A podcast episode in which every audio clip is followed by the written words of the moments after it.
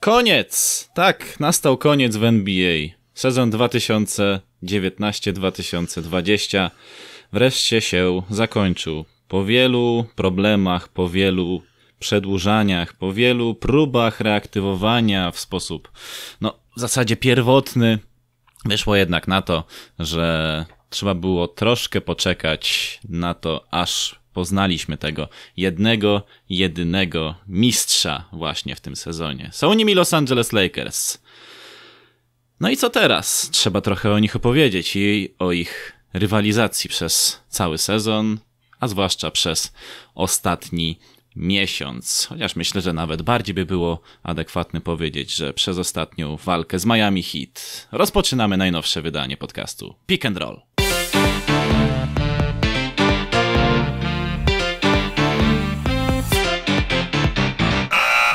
To jest podcast Pick and Roll, platforma Hottech. Ja się nazywam Bartłomiej Misztal. Ten przydługi wstęp był nie bez przyczyny, ponieważ tak dużo się mówi w ostatnich dniach o Los Angeles Lakers.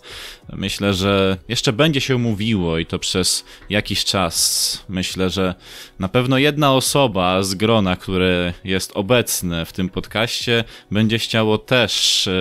Yy, ta osoba będzie też chciała powiedzieć co nieco więcej, ponieważ obserwuje tę drużynę już dość długo i na pewno ma trochę inne, a może nawet y, ciekawsze spojrzenie niż większość osób, które wy wypowiadały się chociażby na Twitterze czy na Facebooku, z tych, które obserwuję.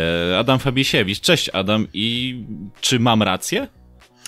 Wiesz co, no, taką laurkę mi strzeliłeś, że teraz będę musiał y, mocno bronić y, swojego koszykarskiego intelektu. No, prawda jest taka, że jestem kibicem Lakers od y, lat, bo ja wiem, 20 ponad.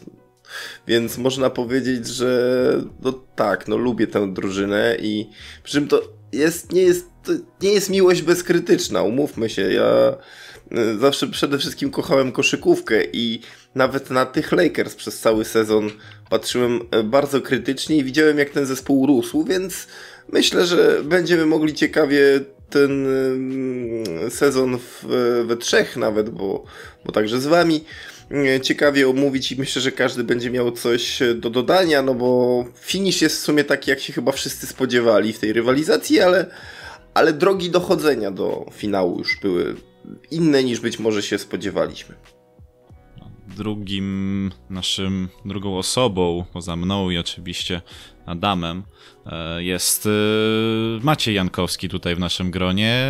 Maciek chyba nie jest do końca zadowolony z ostatecznego wyniku tych finałów, ale z drugiej strony zawsze sobie może przypomnieć, że przecież ej, moja drużyna zgarnęła pięć mistrzostw w ostatnich no, ponad 20 latach, więc nie jest tak źle, co nie? Jak najbardziej. Ja tam Jestem szczęśliwy z tego, jak to wszystko wygląda. Mm, koniec końców, e, niezależnie od tego, co kto tam będzie mówił, e, jakie tam są głosy, że te, ten turniej w bańce był dograny tylko po to, żeby Lakersi zgarnęli mistrzostwo w niejako tribucie dla Bryanta i od samego początku jak bańka była rozgrywana było pewne, że, e, że Lakers to wygrają, jak nie na parkiecie to za pomocą sędziów. Ja jestem daleki od takich komentarzy.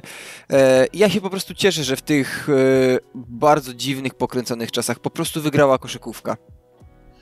Chyba nic dodać, tak, nic ująć, wiecie, tak, wiecie tak. bo ja w tribucie dla Bryanta, jak to przeczytałem e, pierwszy raz, to włos na głowie mi się zjeżył i nie tylko, no bo, bo to jest po prostu totalna bzdura wygłaszana przez ludzi, nie mających nic y, wspólnego nie tylko ze sportem, ale chyba i z życiem realnym, mam wrażenie bo każdy, kto uprawiał kiedykolwiek sport, wie, że treścią życia sportowca, szczególnie sportowca zawodowego, jest granie i wygrywanie. I po prostu e, oni nie po to trenują całe życie, nie po to podporządkowują e, wszystkie swoje czynności właśnie temu jednemu wydarzeniu, e, żeby powiedzieć, ach, bo robimy to, bo, bo mamy takie widzimisię. Okej, okay, no na Lakers ciążyła gdzieś presja zdobycia 17 tytułu, dogonienia Celtics, ale czy naprawdę trzeba sprowadzać tę rywalizację do takiego poziomu. Mieliśmy w tym sezonie przecież wszystko, oprócz walki na boisku,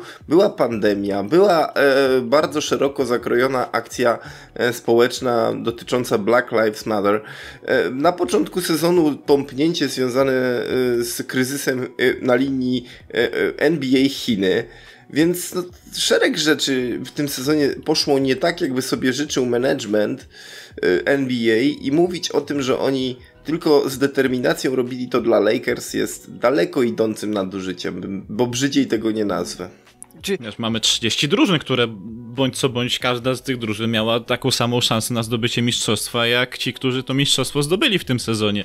Więc y, tutaj myślę, że na to nikt nie zwrócił uwagi. A to, że Bryant i tak dalej, no to wszyscy akurat szukają analogii w tym całym. Ja, ja też się nie zgadzam z tym, co Adam powiedział.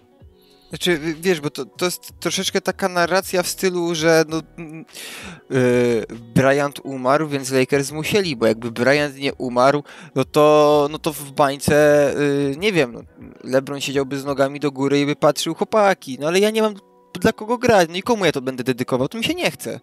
Taka trochę narracja się dookoła tego stworzyła.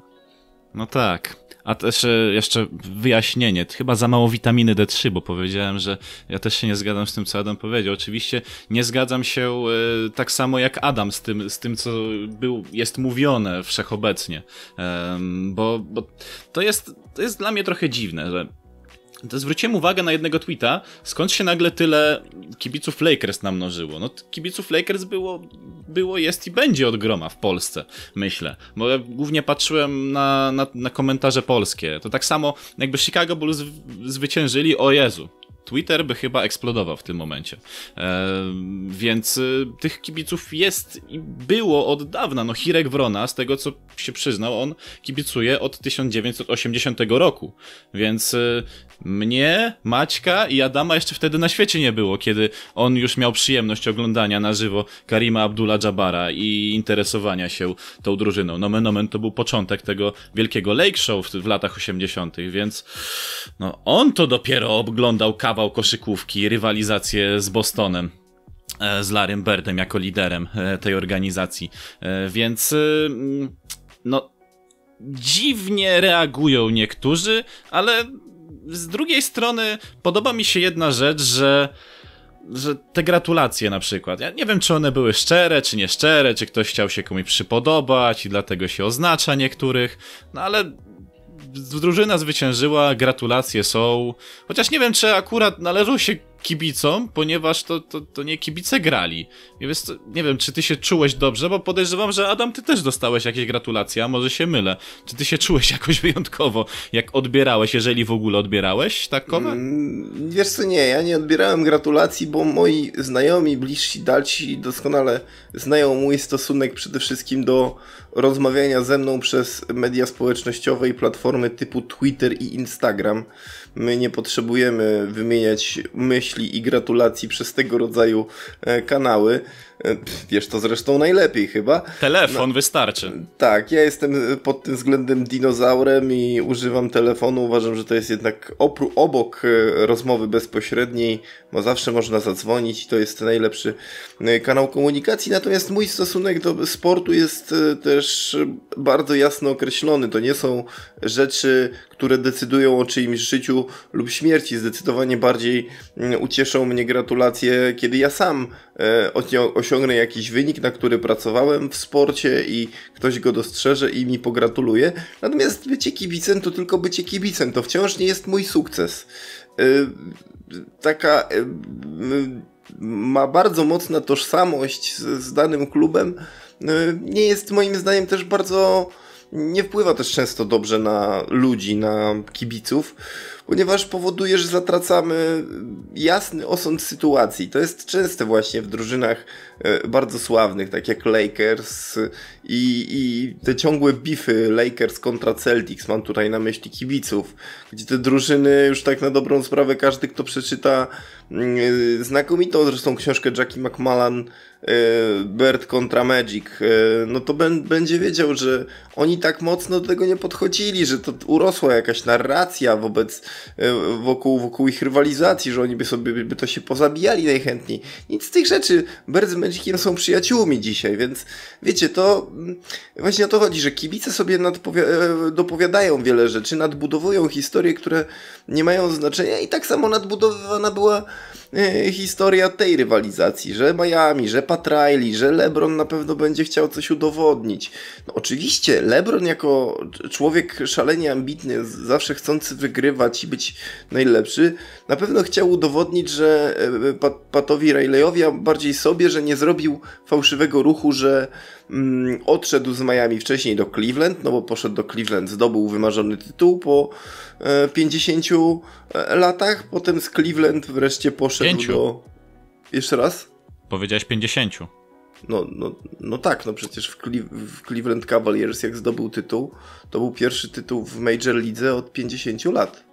A, o to ci chodzi. Nie, bo ja przypominałem sobie, że on przychodząc do Cleveland obiecał, że w 5 lat zgarnie dla nich mistrzostwo. A, nie, nie, mi chodziło o to, że on e, zdobył dla Cleveland pierwszy tytuł od 50 lat i po jego zdobyciu to jego słynne słowa Cleveland, this is for you, prawda?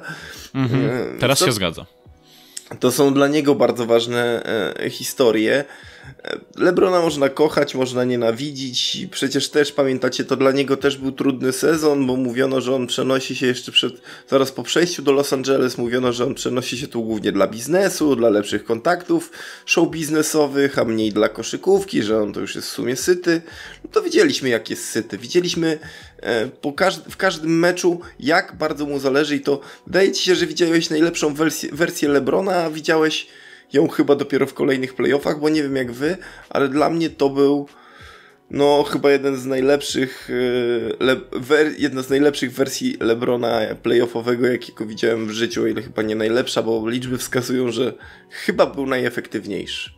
Ale też miał drużynę, która dawała mu takie możliwości i też która no, nie musiał ich brać na plecy i przeciągać specjalnie. I to mi się akurat podobało, że on wiedząc, że, by, że był liderem, to był liderem, który miał ogromny wpływ też na chłopaków i też myślę, że on wiedział, że dzięki ciężkiej pracy przed sezonem, e, którą w zasadzie rozpoczął i on sam, on sam zorganizował razem z tymi młodymi, plus jeszcze Antony Davis i tak dalej, i weterani pokroju nie wiem, Rajona Rondo, to wszystko dało efekty. No i widać, że ciężkim treningiem dochodzi się do sukcesu. Ja nawet humorystycznie napisałem na Twitterze, że, że Kostas Antetokounmpo ma mistrzostwo NBA, co na to Janis. No.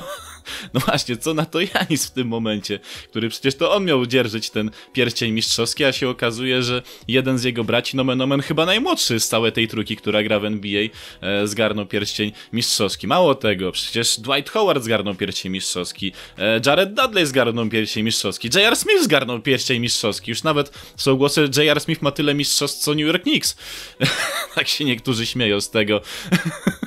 no bo już ma dwa pierścienie mistrzowskie, z czego dwa z różnymi klubami. Danny Green, chociaż e, ja byłem w szoku po tych e, pogróżkach w kierunku jego i jego jego partnerki, że mm, grożono mu śmiercią po, tym, po tej niestrzelonej trójce w meczu numer 5, no ale umówmy się, wtedy Jimmy Butler to był zarzynaka i on spędził praktycznie cały, całe spotkanie na parkiecie, on tam chyba tylko 40 sekund odpoczywał, więc e, to był ogromny wysiłek Jimmy'ego Butlera, no i też nie oszukujmy się, w finałach takie rzuty się e, zdarzają, niestrzelone. E, Karl chyba pudłował e, decydujące osobiste e, w rywalizacjach z Chicago Bulls, więc y, wszystko jest możliwe, y, ale Danny Green dzisiaj jest człowiekiem szczęśliwym, który też ma trzy pierścienie mistrzowskie z trzema różnymi organizacjami, tak samo jak LeBron James swoją drogą i i teraz nawet y, widziałem takie porównanie do wielkich na przykład. I wiel wielkim, wielkim, do którego porównano Lebrona, e, był Cristiano Ronaldo. To Bleacher Report opublikował, że tak samo Cristiano, jak i Lebron mają trzy tytuły mistrzowskie z trzema różnymi organizacjami. Cristiano miał z Realem Madryt, Manchesterem United i Juventusem, a LeBron miał z Miami Heat, Cleveland Cavaliers i z Los Angeles Lakers. No cóż, rywalizacja piękna, historia napisana wspaniała. Szkoda trochę Miami, ale to ich tylko umocni na kolejne lata. No ale wiecie co się. Ja wiedziałem o jednej rzeczy, że jeżeli LeBron zgarnie mistrzostwo, to znowu wrócimy, że to, to wraca jak po prostu niechciany swąd. Yy, czyli dyskusja na temat y, wielkości LeBrona w porównaniu do Michaela Jordana. Wy się pewnie też tego spodziewaliście, ale obstawiam, że tak jak ja też machnęliście na to ręką i stwierdziliście, a kłóćcie się jak chcecie. E, wiesz co, może ja teraz zacznę, jeszcze musiałem tylko rzucić okiem, czy nie mam mikrofonu wyłączonego, bo tu pogadałbym sobie na darmo. Eee, wiesz co, no ja tutaj skomentuję to jedno, no LeBron jest zawodnikiem, e, żeby to teraz dobrze ująć, e, wyższym od Jordana o, o, o 8 centymetrów. I niezależnie jakie są komentarze yy, o wyższości jednego nad drugim, to tak, to jest wyższość. LeBron jest wyższy o 8 cm i to są fakty niezaprzeczalne. Świetnie. Maciek świetnie to literalnie ujął. Bardzo, bardzo mi się to podoba, bo już gadanie o tym, jaki to Jordan jest wspaniały. Jest, ja bym chciał raz na zawsze, jako, i mówię to jako fan Lakers z LeBronem w składzie. Jordan jest świetny, jest fantastyczny.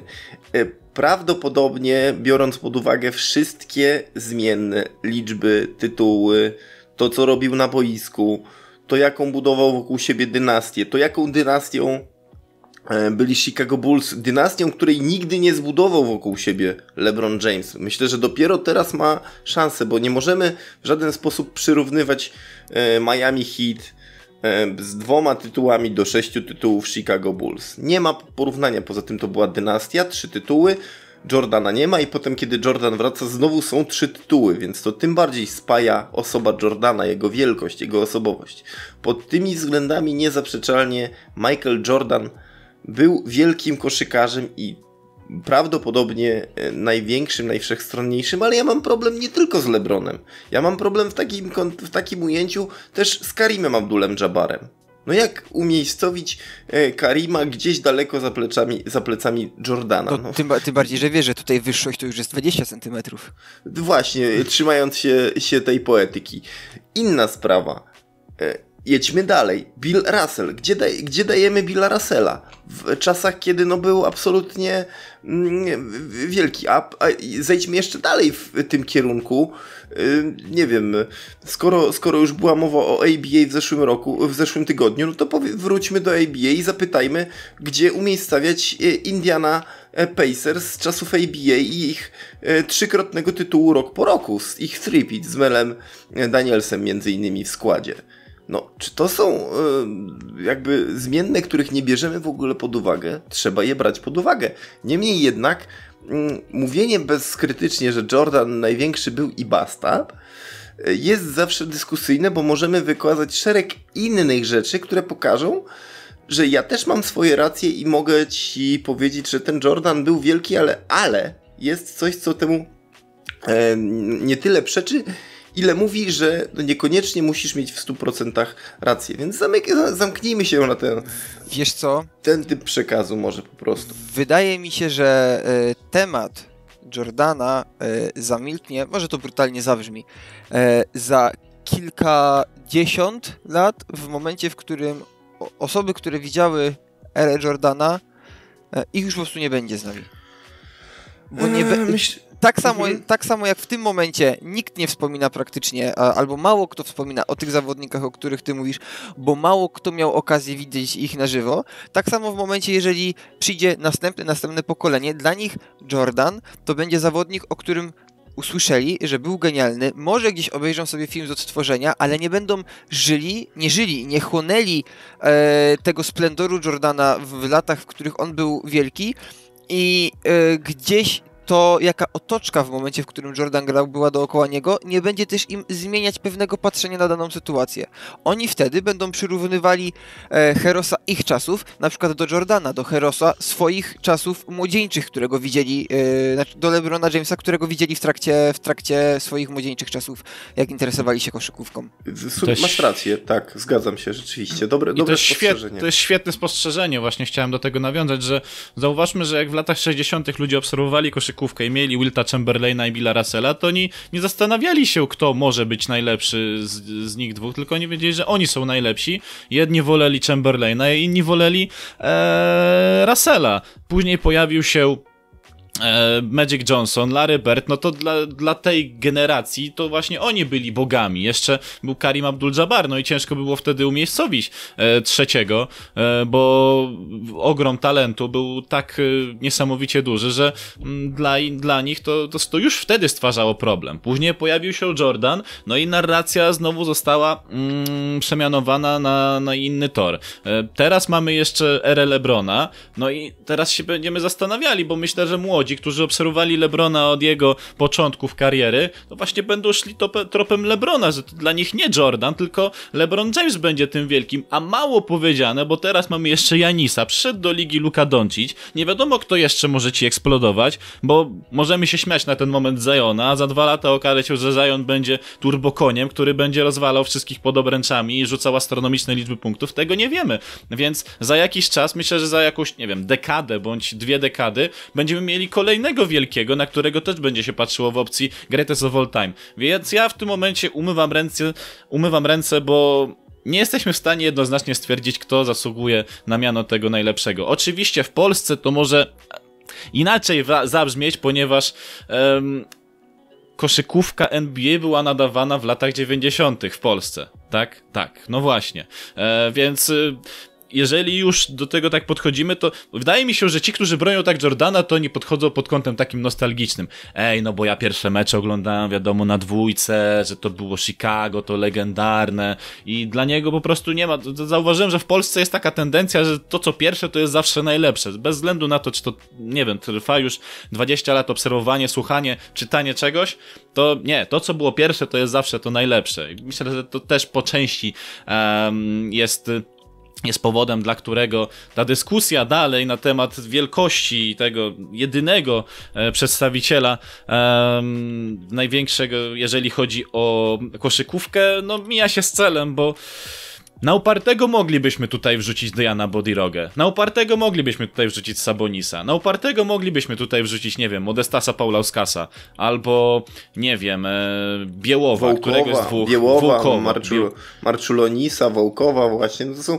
wiesz, i mógłbyś tak mnożyć tych nazwisk, tylko no to oczywiście nie te rejestry i, i zawsze NBA będzie tą e, najlepszą, najsilniejszą ligą. Więc... Ale to nie oznacza, że NBA jest wyznacznikiem tej supremacji, jeżeli chodzi o to. No bo jak patrzysz na przykład na Oscara Schmidta, no to wydaje ci się, że nie, no chłop postradał zmysły. Nie chce grać w NBA, a jego rekord, jeżeli chodzi o punkty na Mistrzostwach Świata, jest no póki co nie do pobicia. No i pewnie nikt go nie pobije, tak mi się wydaje. Wiecie w ogóle co? Na, na, Mistrzostwach Świata, przepraszam jeszcze, że wejdę ci w słowo, tylko, bo mówisz o Mistrzostwach Świata, przecież Oskar Schmidt zdobył w karierze ponad 50 tysięcy punktów. Więc y, przy okazji dodajmy, że y, Jabarowi, który grał w NBA 20 lat i ma y, niepobity, niedosiężny rekord punktów 38 tysięcy, prawie 39 tysięcy, tak? U, u Jabara. Więc mhm. no to, to są, zobaczcie, jedna trzecia więcej punktów Oskara Schmidta rzucona w karierze, więc to, to są liczby bezwzględnie wyższe. No niemniej jednak o Oskarze Schmidcie w ogóle mało kto słyszał, inna sprawa. Więc to też pokazuje, co jest medialne, co jest ważniejsze, co jest silniejsze też przed... I też mam wrażenie, że ludzie siedząc w NBA, to czują się trochę jak w strefie komfortu, że wiesz, teraz się skończył sezon. Ile podcastów będzie miało o czym gadać po tym zakończonym sezonie? Ci, które są nastawione stricte na NBA. No jeżeli chcą śledzić to, co się dzieje w najbliższej loterii draftowej, okej, okay, to wtedy mogą do tego przejść. Ale myślę, że my mamy o wiele więcej do powiedzenia, bo e, my troszkę szerzej patrzymy na tą koszykówkę i dlatego rzucamy tymi nazwiskami z Europy i z całego świata, które mogłyby pokazać, że swoją wielkością wcale nie, mm, no, wcale im się nie, nie ujmuje tej wielkości, chociaż nigdy na przykład nie mieli okazji, tak jak Body Roga, liznąć e, koszykówki NBA. No tak, to prawda. My nie mamy sezonu ogórkowego i Maciek będzie miał o czym mówić, bo on Ligę Polską, europejskie rozgrywki lubi omawiać. Prawda Maćku? Tak, no szczególnie teraz. Yy, wiesz co, no, ja na aktualnie yy, przegrywam w omawianiu, bo trudno jest mi omawiać cokolwiek, skoro kolejne drużyny wyskakują z informacjami, że mecze przekładane, tak?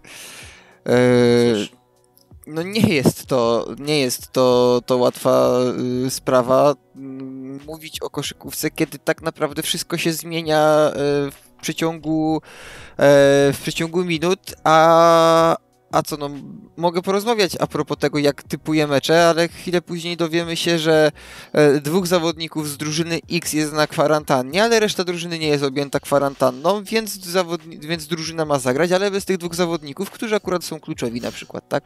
Bo taka sytuacja jest możliwa. No jest możliwa, absolutnie.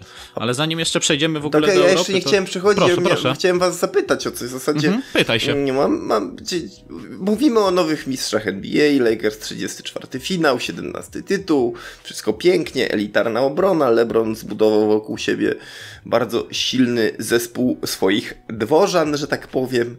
E, no i nagle mamy nowy, nowy sezon, który jeszcze nie do końca e, wiemy kiedy się rozpocznie. No ale będzie kiedyś tam. I teraz pytanie, co dalej z tymi Lakers? Jak wyobrażacie sobie Lakers jako obrońców tytułu? Czy to będzie drużyna, która będzie szła w kierunku zdobycia kolejnego tytułu? Będą jeszcze lepsi, chociażby jeśli chodzi o selekcję rzutów, bo, bo tutaj chyba jeszcze można sporo poprawić, jak się patrzy na, na, na, na danego Greena, nie w kontekście tego, tej przestrzelonej trójki, za którą mu e, grożono, tylko ogólnie, bo faktycznie Danny Green w tej serii miał bardzo słabą jak na siebie skuteczność rzutów za 3.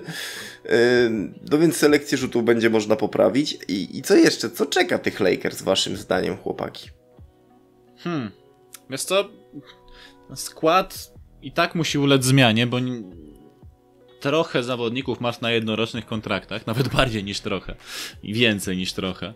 Um, zawodników takich elitarnych typu, nie wiem, Caruso, można nawet myśleć gdzieś w przyszłości o daniu im e, kontraktu, trochę dłuższego, jeżeli będą się sprawdzać w najbliższych latach. Myślę, że trzeba by popracować nad, nad Rażonem Rondo, bo co by nie mówić, to on ma genialny przegląd pola i fantastyczną dystrybucję piłki. M mogę wejść w słowo? No mów, Odnośnie mów. Rażona Rondo? A proszę. Y, pierwszy zawodnik w historii, który zdobył mistrzostwo z Bostonem i z Lakersami. No, właśnie, tak. ja właśnie, właśnie wiem, tylko. Nie, Czy nie, to ma jakiś. Nie. No właśnie, bo... Nie ma żadnego sensu, dlatego to mówię. A, no, no, to, no, właśnie, o to chodzi, bo... To nie bo... ma żadnego sensu, ale, ale musiałem to powiedzieć, żeby ponownie pokazać narrację. Doszukujemy się byle czego. Ja czekam, na, ja naprawdę czekam na statystykę, e, kiedy na przykład za dwa lata dostaniemy informację, że Zion jest pierwszym zawodnikiem, który wygrał mecz nie jedząc wcześniej śniadania. Ale ja, ja, wam, ja wam coś powiem z czysto filologicznego punktu widzenia. Kiedy oglądam, i to jest, to jest nagminne, e, dziennikarze sportowi w Stanach Zjednoczonych, czy to ESPN-u, czy innej stacji, uwielbiają budować narrację we wszystkim, co robią. Zobaczcie, jak wyglądają tam wywiady. E, jedno, e, najprostszy przykład z ostatniego czasu po zdobyciu E, mistrzostwa Rachel Nichols prowadzi wywiad i tam każdy e, każde jej pytanie wygląda tak samo.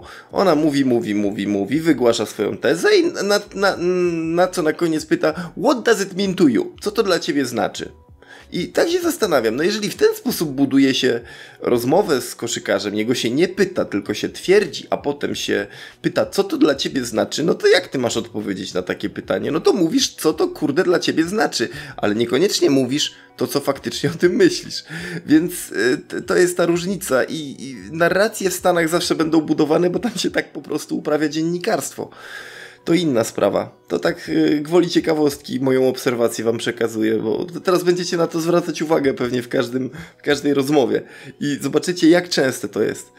Znaczy ja akurat jak rozmawiałem z Robim Hamelem, to nie tworzyłem jakichś Ale ja nie mówię o tobie, i tak dalej. Ja wiem, tylko że, tylko że właśnie różnica między mną a Rachel Nichols była taka, że ja wiedziałem, że mam do czynienia z też człowiekiem, który trochę liznął e, dziennikarstwa i bo przecież Robbie Hamel jest też ekspertem ESPN-u na rzeczy NCAA e, i wiedziałem, że jego odpowiedzi będą tak krótkie i zwięzłe jak pytania, które chcę mu zadać. Yy, tylko, że właśnie w przypadku. Ale to chyba jest sama natura Rachel Nichols. Zauważ, że ona co chwila. Ona, ona, ona by się idealnie sprawdziła w roli pastora, tak? Takie mam wrażenie. Jakiego, nie wiem, albo przewodnika jakiegoś ugrupowania, które za jakiś miesiąc chce popełnić grupowe samobójstwo. Wiem, że to brzmi, to brzmi brutalnie, ale takie coś nadal istnieje.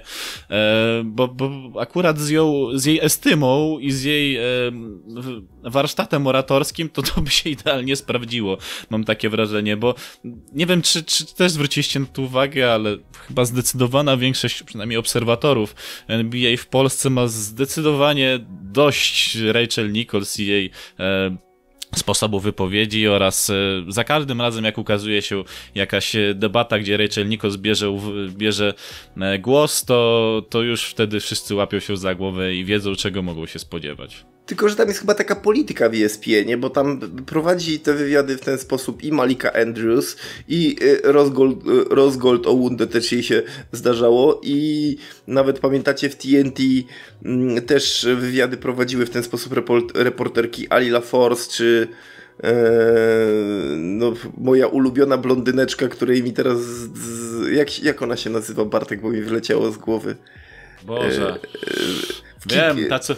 Tak, w kiksach Nike'ach, która się nazywa, no patrz, czarna dziura, Kristen Ledlow.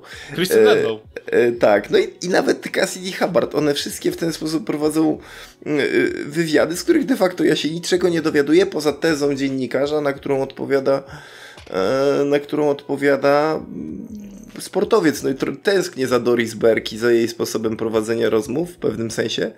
No ale Doris, jak wiadomo, awansowała bardziej na teraz na komentatorkę, a nie na e, dziennikarkę, więc no tak czy owak, no ale na pewno dziennikarze będą mieli, mieli co opowiadać w Stanach w nowym sezonie, który nie wiemy kiedy się zacznie. Ale wracając do Lakers, to no, chciałem też spytać e, Maćka, jak, co on o tym sądzi, bo ty chyba nie mówiłeś Maćku nic na ten temat. W kontekście tego, co to może dla Lakers teraz znaczyć w najbliższych czasach, tak? Bo tak. Tutaj tak. już gdzieś to pytanie mi. Czy obronią tytuł? Trudno powiedzieć. To jest moja ulubiona odpowiedź na uczelni, wiesz? E, trudno powiedzieć. E, wiesz co, no, teraz to jest troszeczkę wróżenie z fusów, bo nie wiemy, e, nie wiemy praktycznie nic. Nie wiemy, e, co, jakie ruchy zrobi Clippers, nie wiemy jakie ruchy zrobi Miami, a zrobi, bo mm, Miami y, naprawdę realnie może teraz się stać ponownie bardzo interesującym y, miejscem dla wolnych agentów, a dobrze wiem, że tam są osoby, które potrafią z głową podpisywać wolnych agentów. Y, ja uważam i ja niezmiennie mam E, takie zdanie, że e, w NBA to jest takie zamknięte koło, gdzie każdy jeden e, etap powoduje, że następny jest jeszcze bardziej emocjonujący, że z, nie, z większą niecierpliwością czekamy na kolejny. Mieliśmy finały, no ale już teraz się zastanawiamy, jakie będą zmiany, tak? Więc już wszyscy czekamy na wolną agenturę i zacieramy ręce. Jak będzie wolna agentura, no to będzie takie, Jezu, fajne te drużyny, no to czekamy, jak nam się sezon zacznie. Sezon się zaczyna, w pewnym momencie jest takie, dobra, dobra, zaraz będą playoffy. Wtedy dopiero jest granie. Kończą się playoffy, są finały, to już w ogóle jest apogeum i kończą się finały, mamy to co teraz. No i teraz kto obroni, tak? Czyli wolna agentura, czyli znowu zacieramy ręce. Na razie to nie wiemy nic poza tym, że, że, nic nie wiemy, bo tak naprawdę trudno powiedzieć, kiedy sezon się w ogóle zacznie, więc to jest dobre pytanie. Ja mam... Ale wiemy jedno, kto.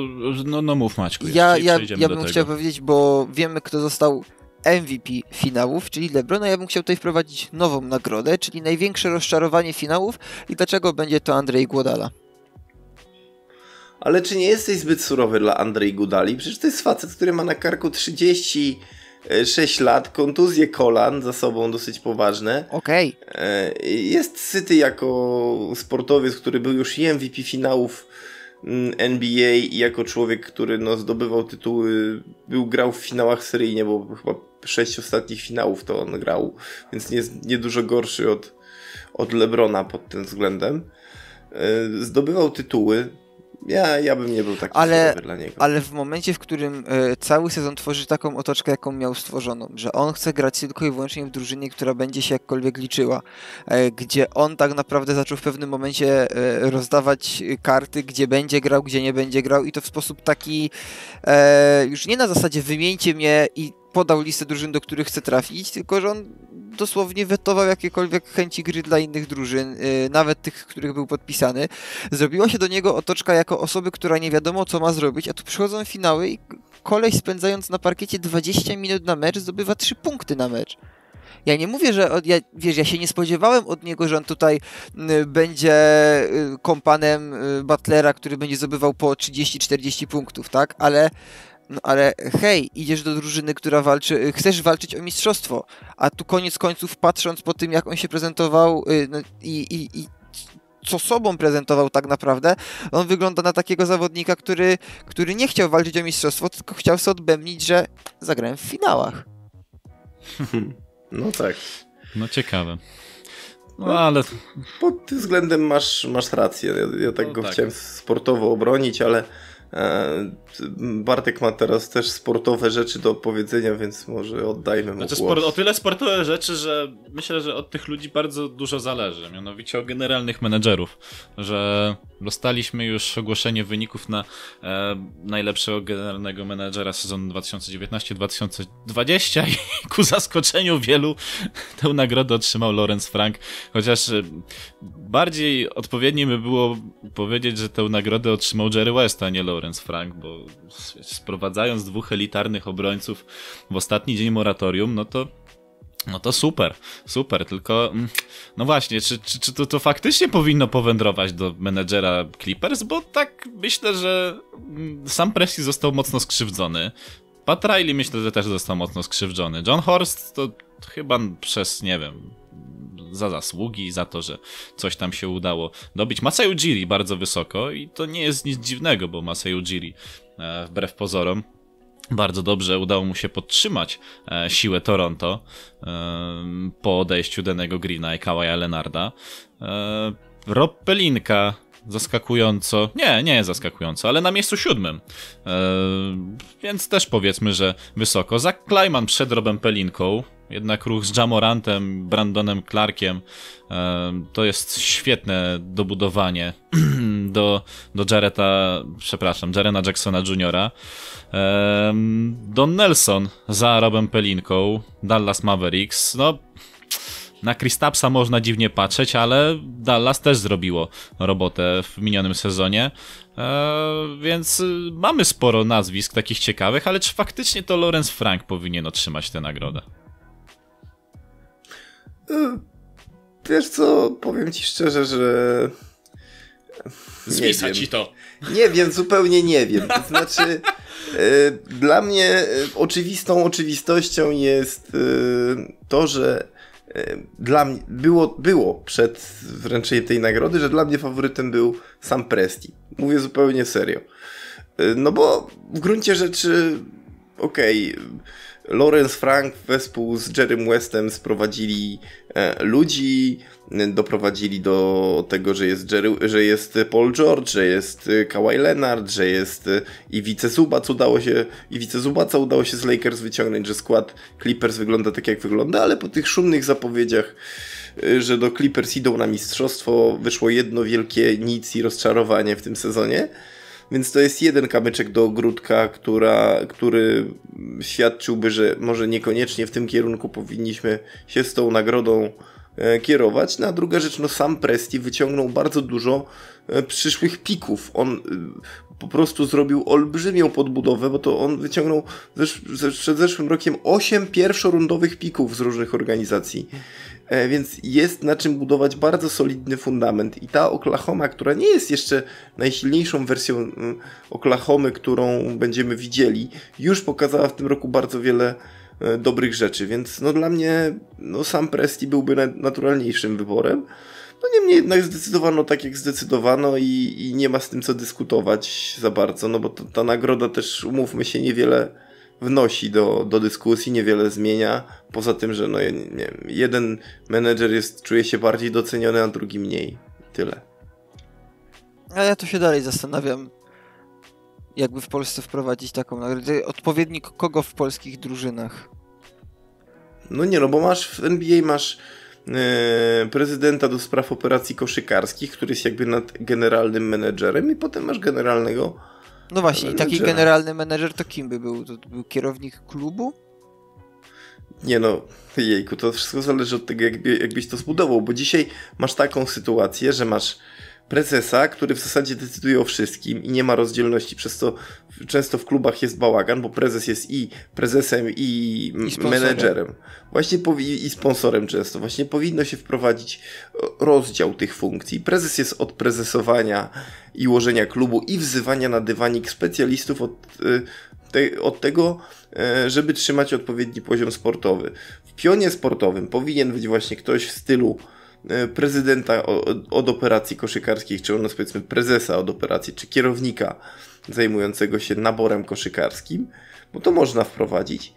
I, i w, w, wtedy jest człowiek, który bezpośrednio współpracuje na przykład z, ze skautami, czy z trenerem danej drużyny. No i widzisz, jest, i, tu, jest... i, tu, się tworzy problem, bo, te, bo i scout, i to, to, to wszystko, co powiedziałeś, to się w polskiej lidze tak naprawdę rozdziela pomiędzy e, pomiędzy trenerów. Tak naprawdę trener z asystentami sami tworzą bardzo często scouting, sami obserwują zawodników na przestrzeni sezonów i bardzo często sami podejmują decyzję, który zawodnik jest bardziej potrzebny, a, a, a w wielu klubach, nie mówię, że we wszystkich, rola prezesa akurat w tym pionie sportowym ogranicza się do tego, że dobra, macie tyle i tyle pieniędzy, powiedzcie, czy to wystarczy i będziemy dalej dyskutować.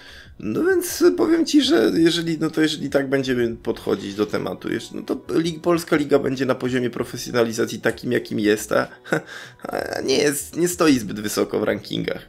I, I tak będzie dalej, no bo po pierwsze trzeba chcieć troszeczkę oddać swoich uprawnień, bo ja wiem, że trenerom jest wygodnie mieć takie uprawnienia, ale gdybyśmy chcieli wejść w większą, z większą e, rolą profesjonalizacji w sporcie, sprawienia, żeby kluby działały bardziej jak, jak dobrze prosperujące przedsiębiorstwa na różnych, na kilku poziomach zarządzania, no to wtedy miałoby to większy sens. No natomiast nie wygląda to tak i pewnie też nie będzie wyglądać e, z bardzo prozaicznego powodu. Oszczędność. No, dajesz trenerowi większe uprawnienia, ale on to wszystko robi w, jedny, w ramach jednej pensji, plus ewentualnie jakieś niewielkie dodatki, a E, gdybyś stworzył nowe stanowisko, no to musiałbyś to stanowisko odpowiednio sowicie opłacić. I tu się robi kolejny problem. No właśnie, więc e, o menedżerach, menedżmencie i w ogóle o zarządzaniu klubami będziemy pewnie jeszcze rozmawiać. Zamykamy już temat NBA, bo musimy na szybko wskoczyć samolot i przelecieć e, cały Ocean Atlantycki aż do Europy, a tam Euroliga trwa, już trzecia kolejka się, no jest w trakcie w zasadzie trzecia kolejka, a po dwóch kolejkach wiemy tyle, że Fenerbahce jest liderem. Bez Żeliko Obradowicza, ale jest liderem. Walencja na drugim miejscu, Żargilis na trzecim, a trzy ostatnie drużyny to Asfel, Willerban, Alba Berlin oraz, uuu, sensacyjnie Real Madryt. No ale tam, tam wszystko wróci do normy, takie mam, e, takie mam wrażenie. Pocieszające jest to, że Zenit, którego, którego barw broni Mateusz Ponitka, jest tam kapitanem, przypominam, dla tych, którzy nie wiedzą. Wygrał dwa z, swoje spotkania z tym, że teraz Zenit będzie miał przełożone dwa mecze ze względu na to, że właśnie Mateusz Ponitka miał pozytywny wynik testu na obecność koronawirusa. Mm, warto, warto dodać, że nie tylko Mateusz Ponitka. Tam ogólnie no tak, to jest tam kwestia. Jest jeszcze więcej. Ośmiu zawodników, oficjalnie yy, ośmiu zawodników yy, i yy, dwóch czy trzech osoby z szeroko pojętego sztabu szkoleniowo-medycznego, tak? Bo tam chyba wiem, że był fizjoterapeuta, który bardziej już jako sztab medyczny, ale też chyba był jeden z asystentów asystentów trenera. Więc łącznie e, mówi się, że to jest od 11 osób, no bo to wiecie, w takich sytuacjach to też nie można brać za pewnik. Jeżeli już masz 11 osób w drużynie, no to trzeba, trzeba brać pod uwagę, że nawet te osoby, które oficjalnie mają e, wyniki negatywne, bo faktycznie dostali wyniki negatywne, albo jeszcze to do końca nie wyszło, albo coś tam, albo wiecie jak to jest, tak w takiej sytuacji, szczególnie w, tej, w tym momencie, że tutaj trzeba brać pod uwagę, że to może być głębsza sprawa i ja mam tylko nadzieję, że to się nie skończy tak jak w polskiej lidze z przypadkiem Polfarmy Starogard Gdański, bo oni, e, tutaj nie skończyło się wtedy w Starogardzie dwutygodniową kwarantanną. Oni bez treningu byli praktycznie miesiąc. Pierwsze treningi były przekładane, a najbardziej ucierpiał e, Jacek Jarecki, e, który na szczęście już do gry wrócił, natomiast sam ten okres chorobowy przeżył no, bardzo ciężko, bowiem leżał w szpitalu i w momencie wyjścia ze szpitala i tak jego organizm nie był w stanie przez jeszcze praktycznie miesiąc na jakikolwiek powrót do treningów, więc no wiecie, trzeba też mieć pod uwagę, że to, że teraz sobie mówimy, że drużyna idzie na kwarantannę tygodniową czy tam dziesięciodniową, to to sytuacja na teraz i trzeba mieć nadzieję, że faktycznie to się tylko na tych kilku dniach skończy. Adam, coś chcesz dopowiedzieć do tego? W zasadzie y, dobrą klamrą spiął to Maciek, bo przy okazji nawiązał do polskiej koszykówki, do tego jak to u nas wygląda. No, powiem Ci Maćku, bardzo płynnie Ci to wyszło od, od Zenitu i Ponitki do polskiej ligi i polskich drużyn. Jestem pod wrażeniem, natomiast y, muszę powiedzieć, że y, ja bym się specjalnie sytuacją hegemonów w Eurolidze nie martwił, bo tam się mm, będzie dużo grania. Miejmy nadzieję, że będzie dużo grania. E, koronawirus będzie co chwila przeszkadzał, to też trzeba sobie jasno powiedzieć, że będziemy musieli z tą rzeczywistością się zmagać. Natomiast e, ja bym był jednak, e, tak jak mówię, spokojny o, o Mateusza, o Euroligę, o to, że, że ci najlepsi jednak dadzą radę. No i ja wierzę, że, że Mateusz po powrocie do, po kwarantannie, po przerwie związanej z pozytywnym wynikiem na koronawirusa będzie grał dobrze i będzie właściwie świadczył e, usługi i właściwie spełniał funkcję kapitana drużyny. Więc e, mocno w to wierzę. Natomiast e, też chciałem powiedzieć, że myliłem się co do Legii, bo Warszawa, bo myśl, myślałem, że, to, to, że wiem, słabiej będzie jednak z tą drużyną, chociaż wierzyłem, że trener Wojciech Kamiński na dobre tory ich e, przestawi, ale nie sądziłem, że będzie aż tak dobrze, więc e, jestem, jestem zadowolony też z, te, z, tego faktu. No ja się cieszę, że też pszczółka daje radę.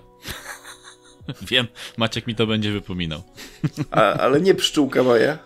Nie, nie pszczółka nie, ja ci, ja ci nic nie będę wypominał. Ja, e, ja wiesz, ja też się cieszę, że akurat drużyna z Dublina, bo e, wiem jakie tam zawsze były zakusy, wiem jak to przez kilka lat kompletnie nie wychodziło i e, no i chyba wszyscy wiemy, że gdyby ten moment kompletnego kryzysu e, i ostatnich miejsc w wykonaniu e, drużyny z Lublina nie przypadł na fragment, kiedy Polska Liga Koszykówki była zamkniętą ligą bez spadków, a chwilę później jeszcze się tam znajdowały takie, wiesz, takie marki jak e, Siarka Tarnobrzeg czy Polfarmek Skutno, no to z dużą dozą prawdopodobieństwa trzeba powiedzieć, że po prostu start by z tej ligi spadł i nie wiadomo jakby to teraz wyglądało, natomiast koniec końców wszystko bardzo fajnie się skończyło. E, i podoba mi się ten projekt, bo on, on jest robiony z głową i niezależnie co tam, jakie są tam komentarze pod względem tego, gdzie tutaj się E, prezes Piesiewicz i w jakim stopniu miesza. Ja już do, do tego podchodzę bardzo humorystycznie, bowiem e, wiecie, to, że jest powiedziane słowo A, nie oznacza całej, całej końcówki tej historii. I to, że klub powiedział, e, jak na przykład w sytuacji Slotera, że klub oficjalnie przyznał, że dziękuję prezesowi Piesiewiczowi za pomoc w ściągnięciu slotera, e, to nie oznacza y, nie wiadomo jakiej pomocy, bo nie jest też tajemnicą, że prezes Piesiewicz slotera proponował kilku innym klubom w polskiej lidze koszykówki i to, taka sytuacja już też może być traktowana jako pomoc, więc może się okazać, że tam nic więcej nie było zrobione. A już jest cała oczywiście do, dopowiedziana historia, że tak, że tutaj nie wiadomo co się dzieje, że e, prezes Piesiewicz powinien zostać prezesem startu Lublin, bo sponsora im załatwił, bo zawodników im ściąga i już w ogóle lecimy z tematem. Nie? Więc ja jestem daleki od tego, kibicuję pszczółce, wolę, żeby na czele była pszczółka, nie parę innych klubów, ale nie będę, nie, nie wypada mi jako, wiecie, osobie pracującej w tej lidze mówić jakim klubom. To żeby tak ładnie zakończyć też polskim akcentem, to informujemy, że już wiemy mniej więcej jak będzie wyglądała mm, druga runda eliminacji do Eurobasketu. Gramy w drugiej połowie listopada i podzielona jest, każda grupa jest podzielona na cztery miasta, takie swoiste cztery bańki, co ja gadam, osiem baniek, w których e, będą rywalizowały e, drużyny, które są w tych grupach. Nam przypadła Walencja, także lecimy do słonecznej Hiszpanii i tam będziemy rywalizowali um, pierwsze starcie z Rumunią i drugie starcie z Izraelem. Tak jeszcze w woli przypomnienia, Adam, kiedy jest y, draft? E, draft powinien być w październiku, ale został przesunięty na koniec października, z tego co, co pamiętamy. Miał być w połowie października, mhm. E, ale został prawdopodobnie przesunięty na końcówkę października, chociaż to będzie jeszcze wiedza do aktualizacji, bo e, wiesz, nie wiadomo jak to się ostatecznie skończy. Czy z tego, z tego, co ja w tym momencie sobie wpisałem frazę draft 2020, to mam przed oczami datę 18 listopada NBA Draft. No, no właśnie, ale to jest też data, którą, której jeszcze Adam Silver ostatecznie nie potwierdził, bo to był, ta data była już dwukrotnie przesuwana z 14 października na koniec października i teraz mamy listopad, więc a to no ja jeszcze w woli ciekawostki chciałbym podać, że e, wśród e, zawodników grających w polskiej lidze koszykówki e, znajdą się nazwiska, które będą brane pod uwagę w drafcie. W sensie, może nie będą brane na poważnie przez kluby, ale są zgłoszone do tego draftu i jest tam m.in. Sasha Kileja Jones, co z racji wieku, pomimo tego, że zrezygnował z dokończenia swojej edukacji na amerykańskich uczelniach i wyjechał do Europy, to i tak, jeżeli jakiś klub by chciał, to ma takie prawo w tym momencie wybrać go w drafcie.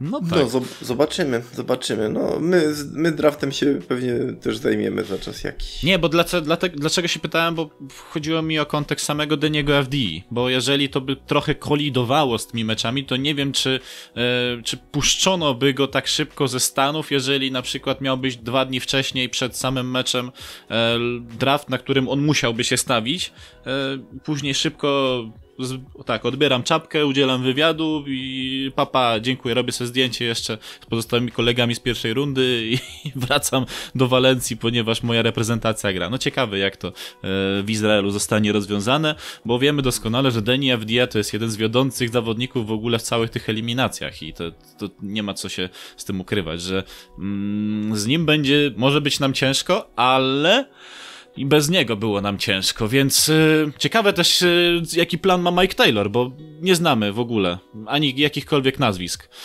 y, które dostaną powołanie na to zgrupowanie, tak więc na razie czekamy, tak samo godzin tych spotkań nie znamy. Ale wiemy tylko tyle, że to będzie e, w listopadzie. No i to tylko zwiastuje nam y, całkiem ciekawe emocje w najbliższym czasie, chociaż już nie NBA-owskie, Los Angeles Lakers po raz 17 mistrzem tej ligi. Dobrze, to w takim razie możemy już kończyć. Dziękuję moim wspaniałym współtowarzyszom tego podcastu. Adam Fabisiewicz był razem ze mną. Dzięki Adam. Dzięki. I Maciej Jankowski. Dzięki Maćku. Również dzięki wielkie. Byłem też ja, Bartłomiej Misztal. Dziękuję wszystkim za uwagę. Zapraszam jak zwykle za tydzień o tej samej porze, czyli środa, godzina 19. Podcast Pick and Roll tylko na hot take'u. Na razie.